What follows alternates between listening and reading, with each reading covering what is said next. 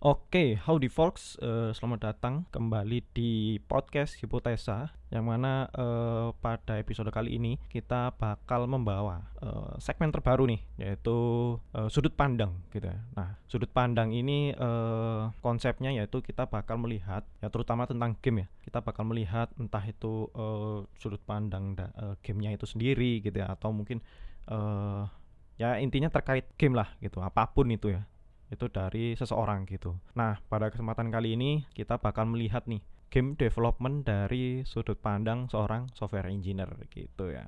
Nah, di episode kali ini kita bakal melihat dari sudut pandang dari ya dari aku sendiri ya, yaitu dari seorang software engineer ya di salah satu company swasta lah ya, perusahaan swasta gitu, bidang IT gitu ya, pengembangan sebuah software gitu ya. Uh, yang mana uh, kemungkinan bakal ya hampir hampir hampir mirip lah ya uh, game development dengan software development itu. Ya karena sama-sama software juga gitu dan mungkin prosesnya pun juga hampir sama juga gitu ya. Nah, ini mungkin kita coba bakal lihat gitu. Nah, mungkin langsung aja kita lihat dulu nih latar belakangnya ya. Kenapa sih game development itu terkadang delay gitu dan saat rilis pun juga banyak bug juga gitu. Dan mungkin kita bakal lihat nih kenapanya gitu ya. Nah, kalau dari pandanganku sendiri ya, kemungkinan sebuah game development itu terkendala delay gitu ya. Kemungkinan sih pada saat proses development itu terjadi um, sedikit chaos gitu ya. Mungkin gitu ya, sedikit chaos dan mungkin pada saat planning pun juga kadang miss gitu ya. Gak cuma ini, kadang uh, kalau misalkan sebuah uh, suatu hal gitu ya uh, development gitu ya itu kalau planningnya kurang matang itu bisa jadi ya bakal molor gitu ya. Molor entah dari uh, perilisannya gitu. Itu bakal ngefek tuh ke situnya tuh gitu ya antara mismatch gitu terkait atau mungkin ada perubahan di tengah-tengah uh, development itu ada perubahan kayak misalkan flow gitu atau mungkin teknologi yang digunakan gitu atau terkendala pada saat uh, QA mas terjadi bug dan segala macamnya gitu ya dan harus banget ya harus banget untuk di fixing untuk segala macamnya nah kemungkinan seperti itu gitu ya. Dan ya walau kan pasti bakal uh, battle nih ya sama timeline gitu sebuah timeline gitu dan itu ya bakal terjadi banyaknya karena mepet banget ya sama timeline timeline gitu. Kemungkinan juga banyak bug pun possible sekali gitu karena mepet banget sama timeline dan harus banget untuk rilis gitu ya. Mau nggak mau gitu kan ya ya udah deh gitu ya. Terpaksa dirilis gitu. Nah kemungkinan bisa terjadi seperti itu juga gitu. Kenapa kadang software apa game development itu uh, terjadi delay gitu. Kira-kira seperti itu ya.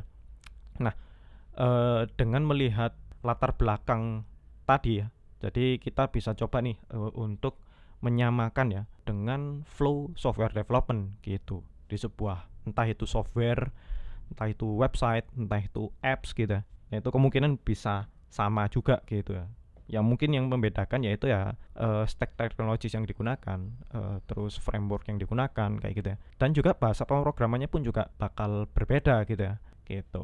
Nah ini kita coba lihat ya. Jadi um, biasanya kalau di kalau teman-teman masih belum tahu ya ini sorry uh, mungkin ini ya bisa jadi uh, ya sudut pandangku gitu ya. Jadi uh, kalau di software software development itu ada yang namanya project management gitu. Jadi um, pada saat kita udah tahu mau bikin apa gitu. Jadi project ya kita namakan project apa gitu. Jadi kita harus uh, planning terlebih dahulu nih gitu. Biasanya kita bisa pakai beberapa uh, framework kayak manajemen gitu ya project management. Contohnya kayak apa gitu kayak scrum gitu kanban dan lain sebagainya gitu ya. Nah biasanya yang paling sering digunakan yaitu ya uh, scrum itu sendiri gitu. Nah dengan cara seperti itu nanti bakal di planning tuh nanti setiap timeline gitu misalkan se dalam seminggu gitu ya teman-teman dalam seminggu itu nanti bakal uh, kita melakukan sebuah sprint gitu atau ya planning lah. Pada saat uh, apa namanya seminggu ke depan ini bakal uh, mengerjakan apa aja gitu. Nah kayak gitu. Nah itu bisanya seperti itu. Nah itu uh, nanti bakal melibatkan beberapa divisi juga gitu kolaborasi ya antar divisi itu seperti apa gitu. Kalau misalkan di software ini ya pada ada front end ada back end ada juga UI gitu ya UI UX gitu. Atau mungkin ada juga yang dari QA atau quality engineer gitu atau quality assurance gitu ya teman-teman nah mungkin di game juga sama gitu ya ada mungkin uh, dari aku nggak tahu ya uh, istilahnya apa. Kemungkinan kayaknya ya hampir sama karena yang kita lihat uh, oleh user kan front end juga ya antar mukanya gitu kemungkinan di situ. Di dalamnya pun juga sama gitu ada yang namanya um, kayak apa namanya level design gitu terus ada uh, game designer terus ada kayak komposer gitu ya musik gitu ya atau apalah itu namanya dan lain sebagainya. Ada banyak nih. Jadi di dalam sebuah tim gitu ya mengerjakan project itu sendiri itu yuk nanti di dalamnya juga bakal banyak nih gitu divisi-divisi di dalamnya gitu ya yang mungkin nggak uh, bisa aku sebutin satu persatu gitu ya. Uh, secara pastinya gitu ya. Pasti bakal banyak lah intinya bakal banyak gitu. Nah biasanya kalau di ini sendiri ya kita bakal mengerjakan per komponen biasanya itu. Per komponen kecil-kecil yang mana nanti bakal dijadiin uh, satu nih gitu. Misalkan uh, page atau halaman A gitu ya. Nanti di dalamnya kan bakal banyak komponen-komponen gitu ya di dalamnya gitu nah nanti uh, bakal dijadiin satu nih gitu misalkan ada API, uh, misalkan kita main multiplayer gitu kita bikin game multiplayer pastikan di situ bakal ada interaksi dengan back end gitu ya atau mungkin database gitu atau apalah ya nah itu kemungkinan kita bakal konsum konsum API gitu ya dan lain sebagainya gitu. Nah itu yang um, mungkin teman-teman yang belum tahu API itu apa ya. Jadi katakan lagi nih, ada sisi front end yang kita lihat sekarang ya. Agar dia bisa berinteraksi dengan database, pasti harus ada penjembatannya ya, kira-kira teman-teman ya. Nah, jembatannya yaitu ya kita namakan namanya itu API gitu. Jadi API ini yang bakal menjembatani antara database ke uh, front end-nya itu sendiri gitu.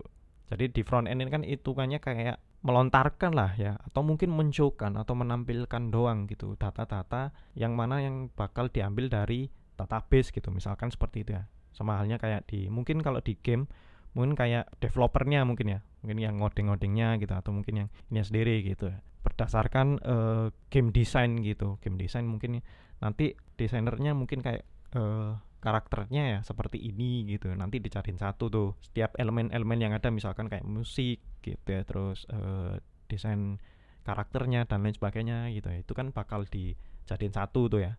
Nah itu di situ tuh mekanisme kolaborasinya seperti itu. Walaupun mereka setiap divisi pengerjaannya berbeda-beda nanti kolaborasinya itu nyambungnya ya di situnya gitu. Nah di situ nanti bakal ada timeline development ya seharusnya ya tentunya. Ada timeline development di mana nanti ya e, mungkin untuk pengerjaan sebuah project ini atau sebuah game ini gitu itu um, memakan waktu mungkin sekitar tiga tahun lebih gitu ya jadi uh, untuk development sendiri ya teman-teman kalau di software itu apalagi website gitu ya, ataupun apps gitu. Untuk timelinenya sendiri ya berbeda sangat gitu. Mungkin yang panjang itu ya mungkin dari game ya. Karena game yang bakal melibatkan banyak hal gitu ya, walaupun sama juga gitu. Tapi dari segi developernya sendiri ya juga membutuhkan waktu yang lama juga gitu berbeda dengan software gitu ya. Mungkin relatif paling lama pun ya eh, kadang cepat pun ya ada juga gitu. Mungkin beberapa bulan gitu biasanya ada tuh kayak gitu. Tergantung sama projectnya sendiri sih. Skalanya ya terutama ya. Itu dilihat dari situ tuh. Itu pasti ada ada timelinenya ya. Timeline development gitu. Mulai dari uh, early development gitu sampai dia itu udah masuk uh, misalkan beta gitu agar nanti bisa dites sama user terpilih gitu misalkan. Nah itu pasti kan ada timeline timelinenya ya.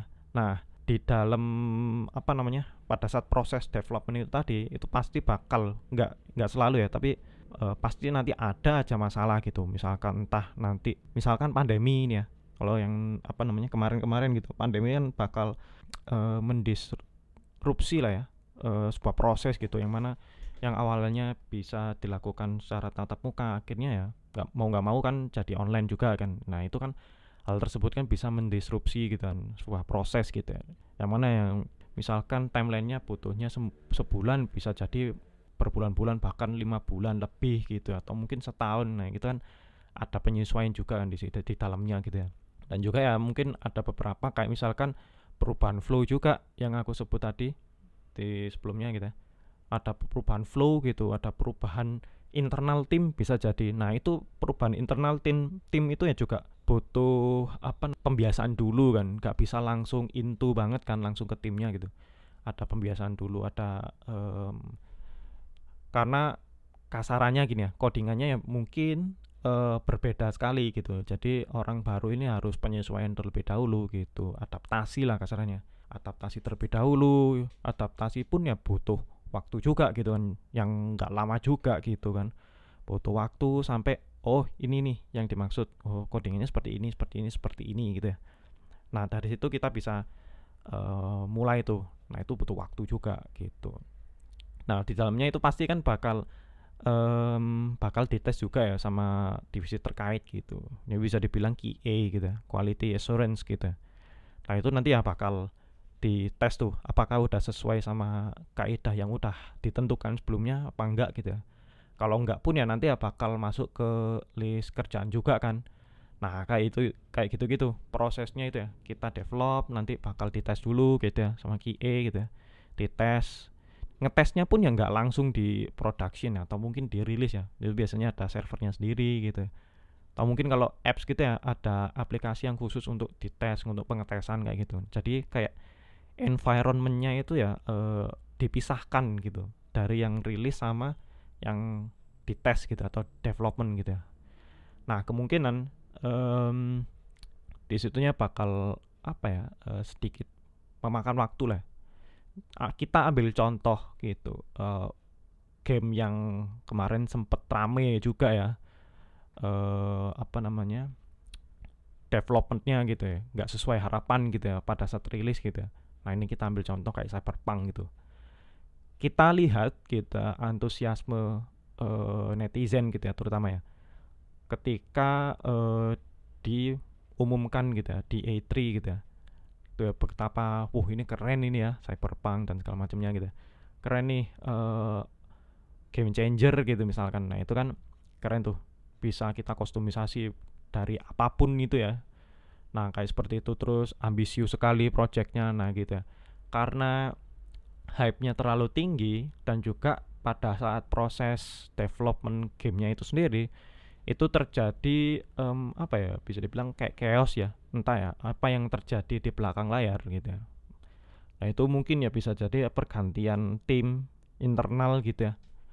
Dan juga masalahnya ini memaksa um, pada saat di TIS juga kan ya juga pakai uh, PS4 juga ya teman-teman ya. nah ini kemungkinan ya um, dari segi idenya yang terlalu ambisius yang tidak sebanding dengan teknologi yang ada pada saat itu ya pada saat di TIS juga ya itu ya malah jadi bottleneck gitu. Antara idenya yang terlalu um, canggih gitu ya tapi uh, komponen yang digunakan itu nggak sebanding gitu sama canggihnya idenya ini tadi gitu. Makanya di situ bakal ada bottleneck yang mana bakal kayak mengurangi um, atau intinya kayak menyesuaikan lah ya dengan um, komponen yang ada gitu kan. Mau nggak mau kan ya kita kita tahu nih betapa powerfulnya PS5 gitu ya. Betapa sangarnya gitu lah. Gitu.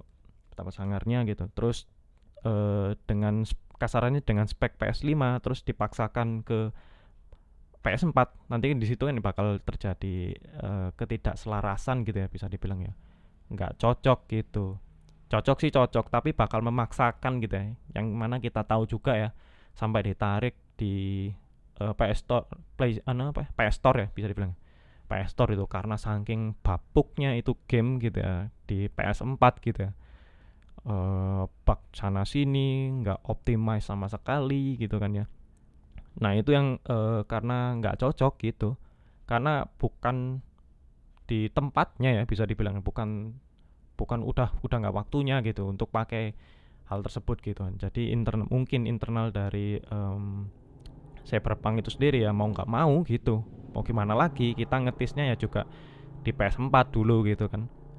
Uh, asumsi uh, gamer juga kan oh ini ditis di PS4 berarti kemungkinannya dong besar, besar kemungkinan ini bisa jalan dong di PS4 yang aku punya sekarang gitu misalkan gitu ya teman-teman ya kemungkinan di situ gitu tapi yang uh, jadi aneh juga ya yaitu pada saat proses QA itu jadi apa yang dilakukan sama tim QA sampai sampai uh, game seperti itu itu bisa lolos gitu. Maksudnya bug yang terjadi itu bisa lolos itu seperti apa gitu. Kita nggak tahu tuh proses QA di dalamnya itu kayak gimana gitu. Entah pada saat itu um, karena memang ada desakan dari investor bisa jadi. Dan itu investor itu ya sangat mempengaruhi banget sih gitu. Mau nggak mau gitu. Yang invest ke perusahaan kita juga investor gitu. Mau nggak mau gitu. Ya karena uh, investor ya kasarannya ya cuan oriented lah ya gitu. Kita nggak um, kasarannya nggak peduli dengan passion atau segala macamnya itu terkadang ya tapi nggak semua juga gitu yang jelas mungkin itu di situ ada desakan internal mungkin dari investor atau segala macamnya. Kemungkinan seperti itu ya. Bisa jadi gitu. Sampai bug-bug yang terjadi yang kita tahu banyak banget kompilasinya di YouTube gitu bahkan ya. Itu sampai yang kocak sampai yang absurd gitu banyak sekali tuh kompilasinya gitu. Itu sampai lolos gitu kita kurang tahu sih ya. Tuh kenapa gitu? Apa nggak dites gitu ya sama QA nya mungkin pada saat ngetes hmm bagus nih gitu let's go bang gitu kan. Bisa jadi kan. Jadi aneh aja gitu uh, bug-bug seperti itu bisa lolos gitu kan. Um, bisa lolos gitu aneh sekali sih gitu ya kira-kira. Nah itu QA beta testernya itu seperti apa gitu. Atau mungkin ya karena ngejar deadline juga ya. Kita juga tahu um, apa namanya developer lah terutama ya. Developer ya artinya yang ngodingnya itu sendiri. Itu biasanya minim apresiasi gitu. Minim apresiasi biasanya. Karena ya karena minim apresiasi bisa jadi ya kayak apa namanya sebutannya istilahnya intinya dia itu udah di uh, bela-belain sampai uh, begadang dan segala macam lembur gitu ya. Terkadang underpay juga gitu. Nah itu yang dilema juga sih develop developer ya terutama ya. Itu dilema juga gitu sampai di bela-belain lembur gitu. Kadang uh, kalau bagus nggak diapresiasi kalau jelek pun dimaki-maki. Nah kayak gitu gitu kan uh, apa ya bisa dibilang kayak buah si malakama lah ya. Dilema apa dilema juga gitu kan ya. Kayak gitu. Jadi um, prosesnya kayak gitu. Kalau di sebuah software ya ataupun website ataupun apps gitu. Jadi di dalamnya bakal uh, untuk sebuah flownya ya itu ya ada planning juga gitu. Uh, dimulai dari misalkan um, planning misalkan idenya mau dibuat kayak gimana gitu.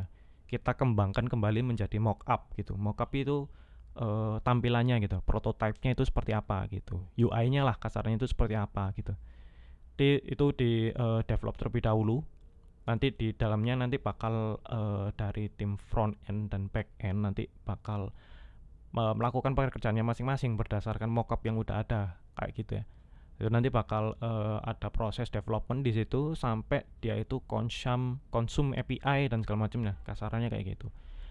Nah aku rasa um, flownya hampir mirip ya hampir mirip lah. Ya uh, game development dan juga software development gitu. Hampir mirip. Cuma yang beda yaitu divisi yang ada gitu.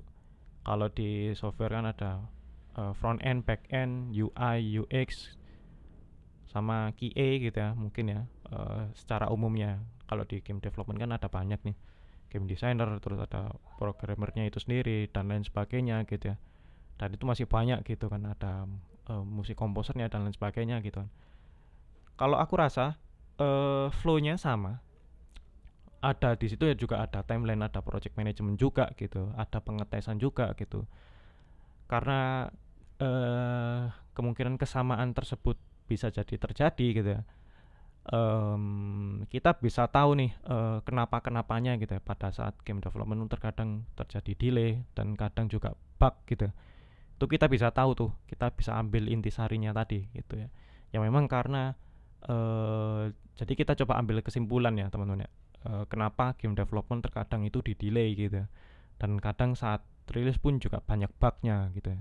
Jadi karena uh, yang pertama ya kemungkinan timelinenya terlalu mepet gitu. Um, pada saat proses development ini terjadi uh, masalah di dalamnya gitu ya. Misalkan kayak konflik dan segala macam konflik itu dalam artian bukan kayak pukul-pukulan gitu ya teman-teman ya.